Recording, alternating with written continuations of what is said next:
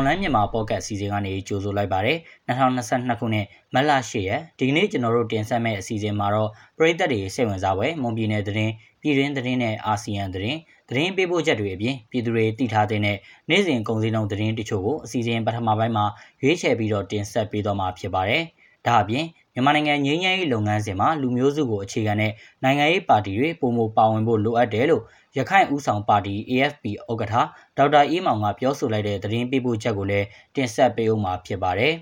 ။ဒီနေ့အစီအစဉ်မှုကတော့ကျွန်တော်ခန့်မှန်းသူကတာဝန်ယူတင်ဆက်ပေးသွားမှာဖြစ်ပြီးကျွန်တော်နဲ့အတူတော်တာကသတင်းတွေကိုကူညီဖတ်ကြားပေးသွားမှာဖြစ်ပါတယ်။နောက်ဆင်ကြတဲ့ပရိသတ်အားလုံးကိုမင်္ဂလာပါလို့နှုတ်ခွန်းဆက်တာပါရစေ။ကျမတော်တာကကိုခန့်မြတ်သူနဲ့အတူကူညီတင်ဆက်သွားမှာပါ။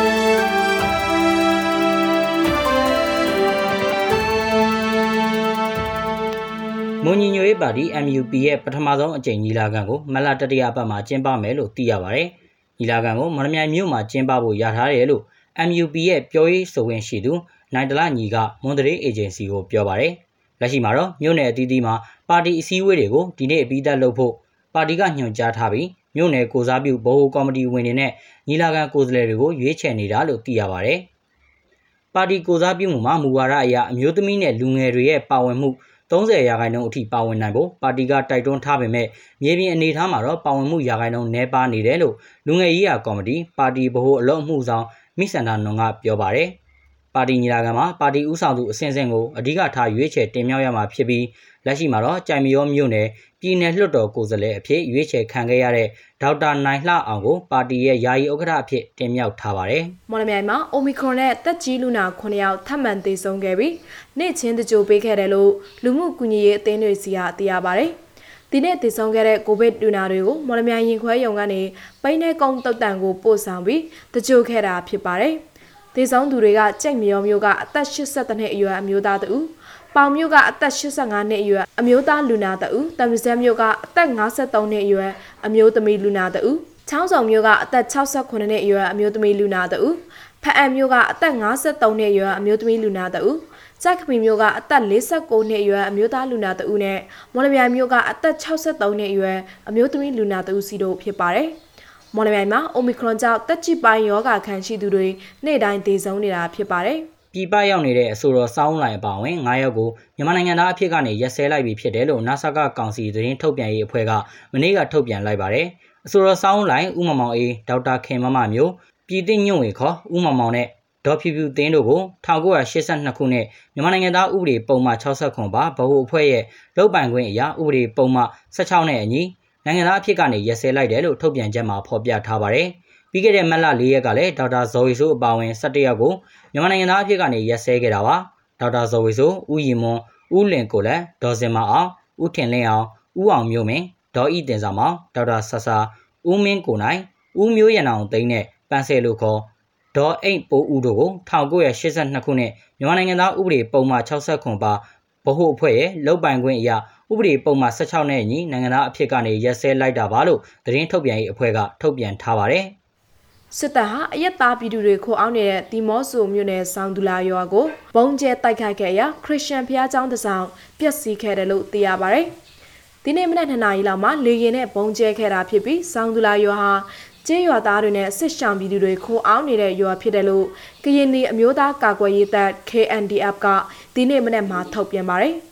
တိုက်ခိုက်ခံရတဲ့နေရာမှာမကွဲသေးတဲ့ဘုံတလုံးကြန့်ရှိနေသေးတဲ့အတွက်တွားရောက်ခြင်းမပြုလုပ်ကြဘူးလဲသတိပေးထားပါတယ်။ရှမ်းပြည်နယ်နဲ့ကယားပြည်နယ်နယ်စပ်မြို့ဖြစ်တဲ့မိုးပြဲမြို့မှာမိုးပြဲအခြေစိုက်422တပ်ကလူနေရက်ကွက်တွေကိုလက်နက်ကြီးတွေပစ်ခတ်နေတယ်လို့ဒေတာခန်တွေကဆိုပါတယ်။မိုးပြဲမြို့အတွင်းကလူနေရက်ကွက်တွေကိုမနေ့ကလက်နက်ကြီးတွေနဲ့စစ်တပ်က10ကြိမ်ထပ်မံပစ်ခတ်ခဲ့တယ်လို့ဒေတာခန်တွေကဆိုပါတယ်။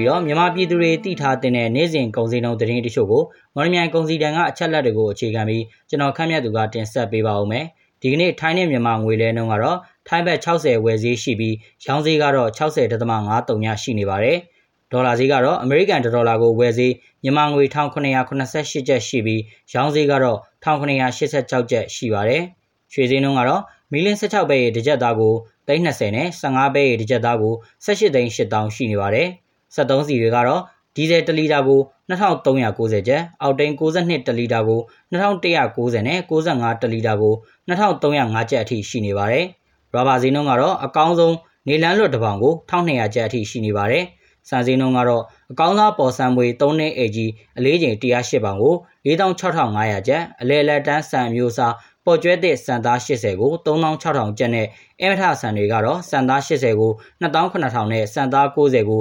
28500ကျပ်ရှိနေပါတယ်။တော်ရရှင်များရှင်ကျမတို့ရဲ့မွန်လန်းမြန်မာဖော့ကတ်မြန်မာဘာသာစီစဉ်ကိုအားပေးနားဆင်ကြတဲ့ပရိသတ်များရှင်ကျမတို့အတန်လွတ်စီစဉ်ကနေပြီးတော့မွန်ပြည်နယ်အတွင်းဖြစ်ပျက်နေသောသတင်းများပြည်တွင်းငင်းချင်ရေးဖြစ်စဉ်များအပြင် မြန်မာနိုင်ငံသတင်းနဲ့အာဆီယံသတင်းများကိုအပတ်စဉ်တင်လာအင်္ဂါဗုဒ္ဓဟူးဂျာတာရေးနေ့များတွင်ည9:00နာရီအချိန်တွင် Mon New Agency Facebook စာမျက်နှာတွင်ဝင်ရောက်နားဆင်နိုင်သလိုမွန်လန်းမြန်မာ Pocket စာမျက်နှာတွင်လည်းဝင်ရောက်နားဆင်နိုင်ပါပြီ။အားပေးကြတဲ့ပရိသတ်များအားလုံးကိုကျေးဇူးတင်ပါတယ်။အခုတင်ဆက်ပေးသွားခဲ့တာကမတ်လ10ရက်နေ့မှာဖြစ်ပျက်ခဲ့တဲ့မွန်ပြည်နယ်သတင်းပြည်တွင်းသတင်းနဲ့အာဆီယံသတင်းအပြင်တနေ့တာစီစေးငွေစည်းနဲ့ကုန်စည်နှုန်းတွေကိုတင်ဆက်ပေးသွားတာဖြစ်ပါတယ်ဆက်လက်ပြီးတော့ မြန်မာနိုင်ငံငြိမ်းချမ်းရေးလုပ်ငန်းစဉ်မှာလူမျိုးစုကိုအခြေခံတဲ့နိုင်ငံရေးပါတီတွေပုံမပါဝင်ဖို့လိုအပ်တယ်လို့ရခိုင်ဦးဆောင်ပါတီ AFP ဥက္ကဋ္ဌဒေါက်တာအေးမောင်ကပြောဆိုလိုက်တဲ့သတင်းကိုအခရမွန်ကဆက်လက်တင်ဆက်ပေးသွားမှာဖြစ်ပါတယ်။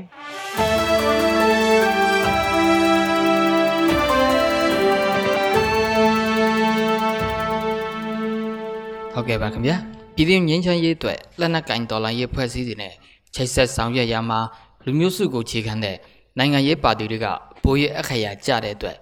မြန်မာနိုင်ငံငင်းချမ်းရေးလုပ်ငန်းစဉ်မှာလူမျိုးစုကိုခြေခံတဲ့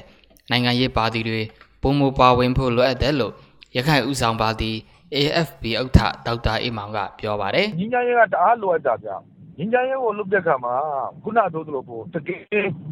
ငြိမ်းချမ်းရေးနဲ့ပတ်သက်တဲ့စိတ်ဝင်စားပြီးတော့တကယ်ထိထိဝင်ပါနိုင်ပါသင့်ပါထိုက်တဲ့ပုဂ္ဂိုလ်တွေပါဖို့လိုတယ်ဗျ။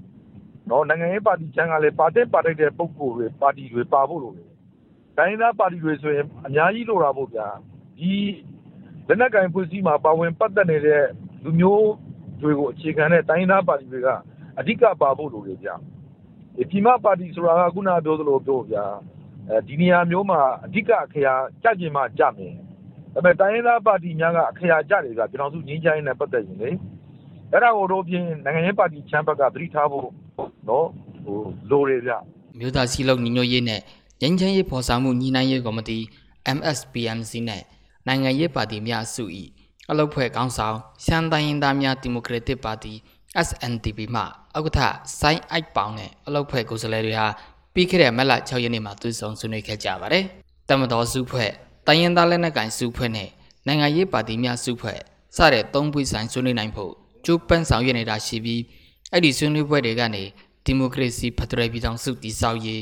ဒီမိုကရေစီဖက်ဒရယ်ပြည်ထောင်စုပေါ်ဆောင်နိုင်ရေးခိုင်မာတဲ့ပြည်ထောင်စုတည်ဆောက်ရေးစတဲ့အချက်၃ချက်ကိုဆွေးနွေးခဲ့တယ်လို့ဒေါက်တာအေးမောင်ကဆက်ပြောပါတယ်နောက်တစ်ခုကတိုင်းသားပါတီတွေဘက်ကဖြစ်ဖြစ်ငင်းကြရဲမှာပါတဲ့ပုံကိုယ်တွေကဖြစ်ဖြစ်ပေါ့ဗျာအဲလက်နက်ကင်ဖွဲ့စည်းခေါင်းဆောင်များနဲ့ဘလောက်ထိထိသေးဝင်ဝင်ရင်းနှီးတယ်လဲဘလောက်ထိခုနပြောသလိုပေါ့ဗျာလက်ရှိအနေထားပုံမှာ တုံးတက်တင်ပြတာကိုဟိုဘက်ကလက်ခံနိုင်မလဲပေါ့ဗျာနော်တစ်ဖက်ကပုံကိုယ်တွေလက်နက်ကင်ဖွဲ့စည်းမှာပါတဲ့ပုံကိုယ်တွေလေးစားယုံကြည်မှုတနည်းအားဖြင့်အဲသူတို့ရဲ့အတိမတ်ပြုမှုကိုခံရတဲ့ပုံကိုယ်တွေနဲ့ဆွေးနွေးမှပဲဟိုဘက်ကလည်းလက်ခံမှာပေါ့ဗျာတာမန်ပုံကိုယ်လောက်နေတော့ဟိုဘက်ကလက်ခံဖို့မထင်ဘူးဗျလက်ခံနိုင်တဲ့ပုံကိုယ်တွေပေါ့ဗျာသူတို့အလင်းနဲ့ထားတဲ့ပုံကိုယ်တွေငြိမ်းချမ်းရေးဖြစ်စဉ်မှာပါလာရင်ပိုပြီးအဆင်ပြေနိုင်မယ်လို့တော့ထင်ပါတယ် ငြိမ်းချမ်းရေးလုပ်ငန်းစဉ်တွေမှာပါဝင်တဲ့ပုဂ္ဂိုလ်များအနေဖြင့်လဲတိုင်းရင်းသားလက်နက်ကိုင်ဖွဲ့စည်းတွေရဲ့အတိမတ်ပြုမှုလက်ခံနိုင်မှုရရှိဖို့လိုအပ်တယ်လို့တစ်ဖက်မှာလည်းငြိမ်းချမ်းရေးလုပ်ငန်းစဉ်တွေကောင်းတဲ့ဖော်ဆောင်နိုင်ရေးအတွက်တိုင်းရင်းသားလက်နက်ကိုင်ဖွဲ့စည်းတွေလက်ခံနိုင်မဲ့အချင်းကြခံပုဂ္ဂိုလ်တွေကိုလည်းပြန်လှုပ်ပေးဖို့လိုအပ်တယ်လို့ဒေါက်တာအေးမောင်ကဆိုပါတယ်ကျွန်တော်အခရာမှာပါ